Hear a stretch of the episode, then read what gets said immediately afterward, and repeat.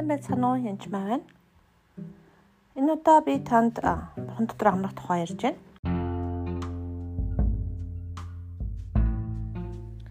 Тэгэхээр ургач бүрийн тухай уншиж үгэй. Марк 4-ийн 26.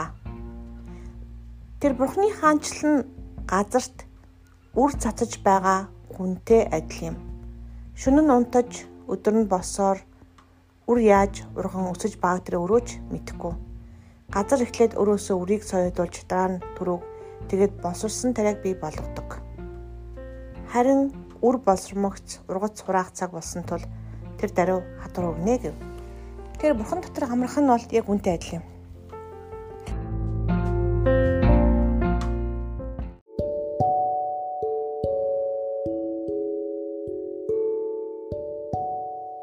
Зарим хүмүүс маань залбирахдаа залбирчаад тухайн залбирсан юмныхаа ардаас байн гарч байдаг. Үр тарьчаад ургахыг хүлээж байгаа хүн шиг. Тэрийг ургахыг хүлээх юм бол тэр барахтаа л бүтэхгүй. Ургаж байгаагүй юм шиг санагдана. Энэ үед эргэлзээ орж ирдэг. Жишээлбэл хоол ихтэй хүртэл бууз тавьчаад буузныхаа тагийг байн байн сөхөөл болж байна уу болж байна уу гэх үед бууз маань түүх ирдэг түүнтэй адилхан залбираад залбирсан залбирлаа хариултаа авсан гэхдээ бүрэн итгэх хэрэгтэй. Тэгхгүйгээсээ болоод аваа гомчоо санагдаж болохгүй байгаа юм шиг эргэлзэж тэнгэлзэж эхэлдэг. Түүнээс гадна залбирахтаа дандаа гуйлга гуйж Бурхныг хөдлөх гэж оролддог. Үнэн дээр тийм биш. Бурхан хийдгээ ихэнхдээ хийсэн байдаг. Жишээлбэл түүний Христос шахаар та итгэрсэн байдаг идэвхлээ хүлээж авахд яг долгионтой адилхан. Телевизэн юм уу сувг ирэ хүлээж авлаа гэж ботход үнэхээр кабелийн сувгтаа кабелийн төлбөрийн төлсөн бол ямар ч сувгийг үзэж болно жишээлхэд. Тэгвэл тэр сувг нь төлбөрийн Иесус Христосийн цаар төлөгдсөн гэсэн үг. Сувгийг бурхан цацсан гэсэн үг. Харин та телевизээ асаагаад сувгаад тохируулж болох хэрэгтэй. Яг радиотой адилхан Хэрв радио байхгүй бол агаарт юуч байхгүй юм шиг боловч радио авчраа залгах үед ямар нэгэн долгион барьж идэг. Тэгвэл Бурхны долгион 2000 жилийн өмнө цацагдсан бөгөөд Иесус Христийн шарахаар бид нар итгэрсэн. Тэр загалмаатаар цовдлогдоод дахин амьлах үед биднэрт зөвхөн авралаас гадна идэвхлийг бас өгсөн гэсэн үг. Тэр идэвхлийн залбирлыг хийхдээ ихэнх хүмүүс маань миний тэрийг нуруу хидгээж өгөөч. Миний буурыг хидгээж өгөөч гэж орилно, гууж бурхныг хөдлөх гэж оролддог. Яг үнэндээ тийм биш. Бурхан таныг түрүүн итгээсэн бөгөөд Иесусийн шарахаар та итгэрсэн. Хэдий тийм боловч энэ ишлийг олон хүн мэддэг боловч нуур нөвчтэй хിവэрэл байдаг. Үүний нэг шалтгаан нь нэгдүгээрт нь Бурхныг хөдлөх гэж оролдож залбирдаг. Тэхийн тэхгүй харин яах ёстой вэ гэхээр миний нуруу эсвэл миний бөөрг юм уу тухайн эртний Иесус Христосийн нэрээр идгэр гэж тушаах ёстой.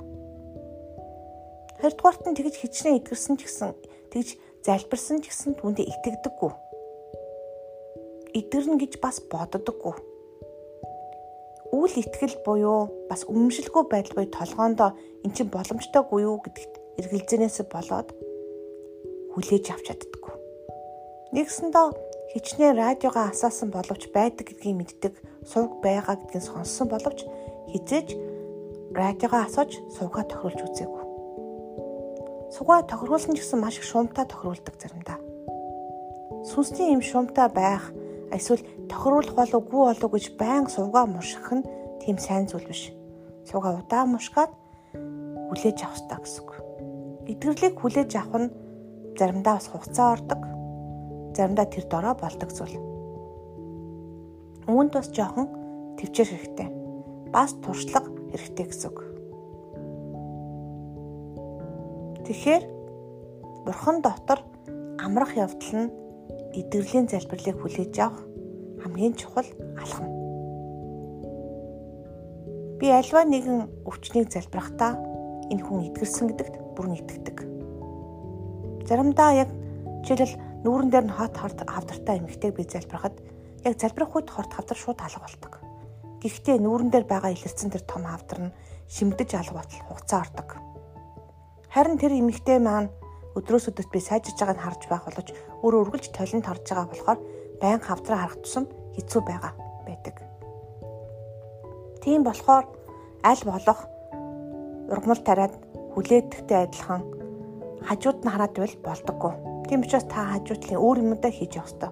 Үн санаа зовхгүй хүлээнэ гэсэн үг. Яг энэ үед бурхан дотор амарна гэсэн үг. Бурхан дотор амарна гэдэг нь зүгээр суугаад унтна гэсэн үг биш харин түүнд итгэж найдна гэсэн үг. Хийгдсэн гэдэгт нь итгэнэ гэсэн үг. Ургацаа заавал хүлээж авна гэсэн үг. За та бүхэнд амжилт хүсье. Баярлалаа. Баяртай.